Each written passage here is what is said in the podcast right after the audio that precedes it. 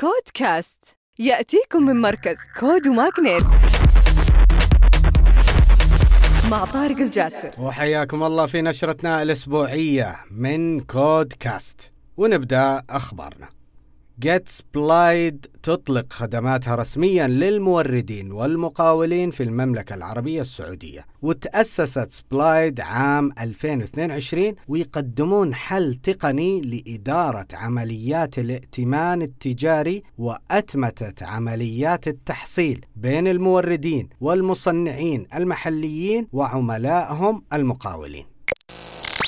أيضا 500 شركة محلية وخليجية ناشئة تستعرض تجاربها بملتقى بيبان 2023 واللي تنظمه منشآت. وبيحتضن الملتقى رواد أعمال مستثمرين بالإضافة إلى مستثمرين ورواد أعمال من جميع أنحاء العالم بين تاريخ 9 إلى 13 مارس في واجهة الرياض للمعارض والمؤتمرات.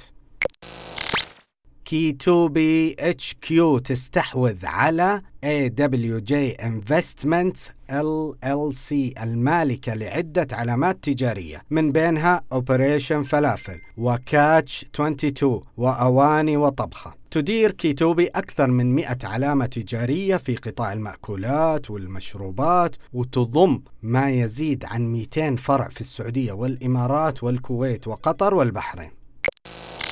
يجي تغلق جولة استثمارية pre-seed بقيادة Flat6Labs اي ار ومشاركة مستثمرين ملائكيين. تأسست يجي في عام 2022 لتوفير منصة تجارة اجتماعية تتيح لمستخدمينها إنشاء قوائم بأمنياتهم ومشاركتها مع الأهل والأصدقاء.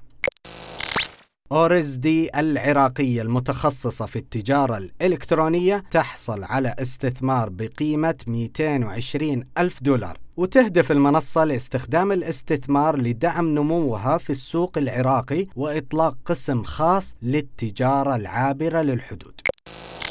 وأخيراً منجز app يغلق جولة استثمارية Series A بقيمة 18.8 مليون ريال بمشاركة Vision VC ووثيق وماجدية. تأسست منجز عام 2017 وتوفر منصة سحابية تساعد الملاك ومدراء العقارات على إدارة المرافق وأتمتة الأعمال التشغيلية الخاصة بها. ختاما تذكروا أن الابتكار هو أصل الريادة. Codecast